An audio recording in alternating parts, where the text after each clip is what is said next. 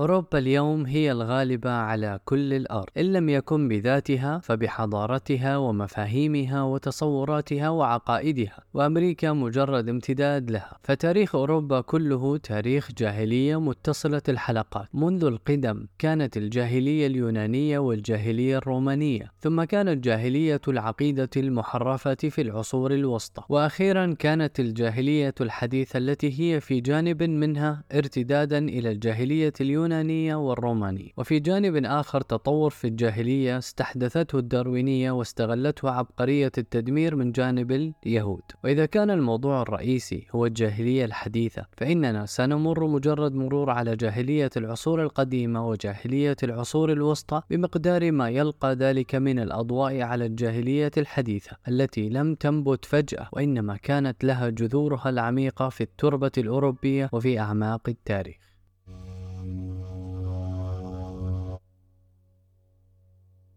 كانت الجاهلية ريكا وهي تحتوي فنونا وفلسفات ونظريات سياسية وتجريدات علمية نظرية. وتراثها في هذه الجوانب تراث كبير وقد عنيت أوروبا في نهضتها الحديثة بتتبع التراث اليوناني في كل جوانب ودراسته دراسة مستفيضة وتفصيصه إلى أدق جزيئاته لأنه المعين الذي تقتات منه أوروبا في عصرها الحديث. وما من شك في أنه كان جهدا بشريا رائعا في تعدد جوانبه واتساعه اتساع آفاقه. وما بنا أن نبخس الناس أشياءهم. وما بنا أن نحاسب الإغريق على جوانب نقص في تفكيرهم أو جوانب انحراف. فقد اجتهدوا جهدهم ولم يكن لهم من معلم يقوم انحرافهم ويردهم إلى الصواب فيه. ولا كان في وسعهم بمفردهم أن يقوموا هذا الانحراف. وإنما نريد فقط بغير لوم موجه إلى أحد أن نبين جوانب الانحراف في التراث اليوناني. والانحراف سمة دائمة من سمات الجاهلية. لأنها تفيد تفيدنا في تبين ملامح الجاهلية الحديثة التي تستمد غذاءها من ذلك التراث. نقول بغير لوم موجه إلى أحد من أولئك الأقدمين الذين اجتهدوا جهدهم ولم يجدوا من يهديهم، ولكننا لا نخلي من اللوم أولئك الذين يأخذون عنهم انحرافهم في الجاهلية الحديثة بغير مبرر للانحراف إلا شهوة الانحراف. وفي التراث اليوناني أشياء كثيرة نافعة دون شك كما في التراث المصري القديم والتراث العربي القديم والتراث الفارسي أيضا والتراث الهندي والصيني. ولكن هناك أمرين يستحقان التنبيه في هذا الشأن. أولا أن أوروبا في جاهليتها الحديثة قد بالغت مبالغة شديدة في تضخيم التراث اليوناني تعصبا منها لأوروبا. حتى خيلت للناس أنه في جميع أحواله القمة التي ليس بعدها قمة بل القمة التي يقاس إليها الوحي الإلهي ذاته فيصدق أو يكذب وهو بالغالب يكذب لأنه المحك الصادق الذي لا يوجد أصدق منه في الوجود. الثاني أن إعجابنا ببعض جوانب هذا التراث كإعجابنا ببعض التراث المصري القديم أو الفارسي أو الهندي أو الصيني لا ينبغي أن يكون معناه إعطاء هذا التراث قيمة مطلقة فإنما يقاس دائما إلى وقته. ولا ينبغي أن يكون معناه كذلك استيحاء هذا التراث في انحرافاته الجاهلية التي ربما كان له عذر فيها. ولكن لا عذر لنا نحن في استيحائها واتباعها اليوم. بعد إذ خرجنا أو ينبغي أن نكون قد خرجنا من الجاهلية إلى النور.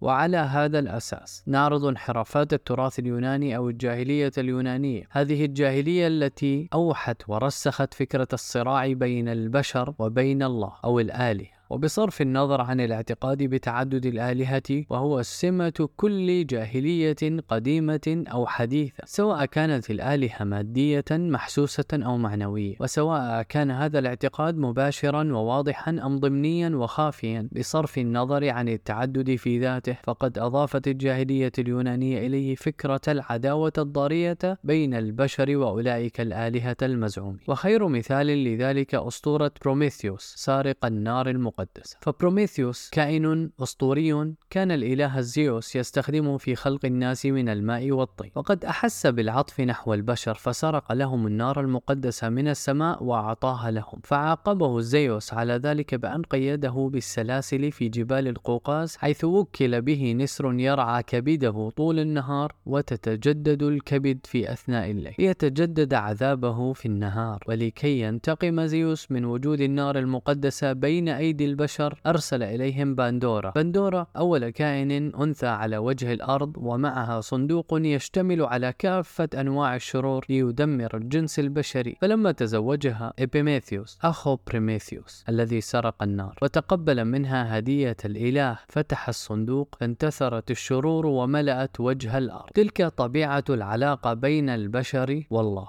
النار المقدسة. نار المعرفة قد استولى عليها البشر سرقة واغتصابا. من الآلهة يعرف أسرار الكون والحياة ويصبح آلهة. والآلهة تنتقم منهم في وحشية وعنف لتنفرد وحدها بالقوة وتتفرد دونهم بالسلطة وقد قالت أوروبا في جاهليتها الحديثة كلاما كثيرا جدا عن الأساطير اليونانية المختلفة وعن هذه الأسطورة بالذات. قالت إنه صراع الإنسان لإثبات ذاته إثبات وجوده إثبات فاعليته في الحياة وإثبات إيجابيته. وإن العصيان عصيان الله هو برهان الإيجابية والفاعلية وإثبات الذات. ولسنا هنا نناقش الجاهلية الحديثة وإنما نعرض فقط ألوانا من الجاهلية اليونانية ليتضح لنا كيف أثرت في الفكر الأوروبي فيما بعد. إنه انحراف بشع تكاد تنفرد به فيما أعلم تلك الجاهلية اليونانية. فالجاهليات الأخرى فيما أعلم كذلك قد توهمت وجود آلهة متعددة وجعلت من بعض هؤلاء الآلهة آلهة شريرين صناعتهم الشر والانتقام والإيقاع بالناس بلا غاية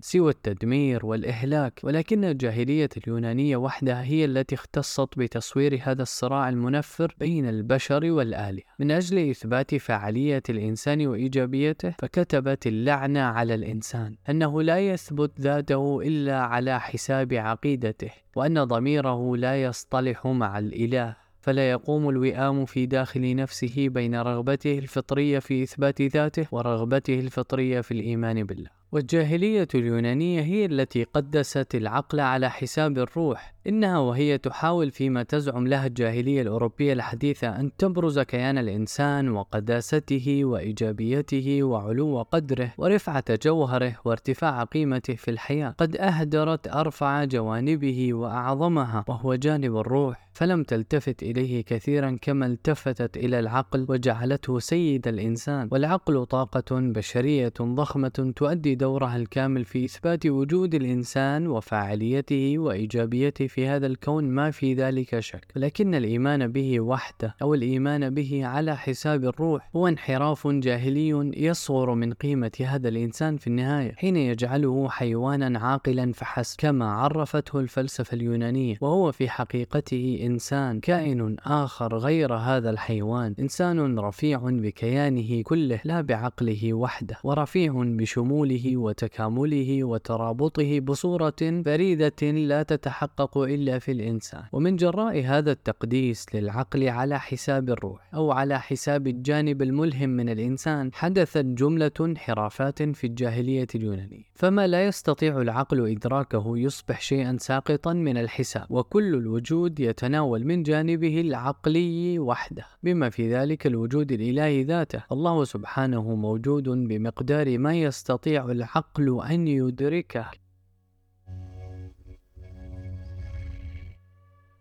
ولا وجود له إلا في داخل ذلك الإطار. أما الإدراك الروحي لله فضعيف الأثر جدا في الإنتاج اليوناني كله وفي الجاهلية الحديثة فيما بعد. كذلك حدثت التجريدات الذهنية التي ملأت الفلسفة اليونانية وهي نتيجة طبيعية للمبالغة في الاهتمام بالعقل التي ظلت تستنفذ طاقة أوروبا في جاهليتها الوسطى حتى نبذتها في عصرها الأخير بتأثير المذهب التجريبي الذي أخذته عن المسلمين كما سنبين فيما بعد. وكذلك لذلك صارت الأخلاق صارت الأخلاق قضايا ذهنية أكثر مما هي واقع عملي حي. وحقيقة أن الديمقراطية اليونانية كانت تربي أفرادها على فضائل اجتماعية معينة ولكنها بعقلها لم تهتد مثلا إلى الحاسة الخلقية لم تهتد في أمر الفوضى الجنسية فتركتها بلا ضابط وأدى بها ذلك إلى الدمار.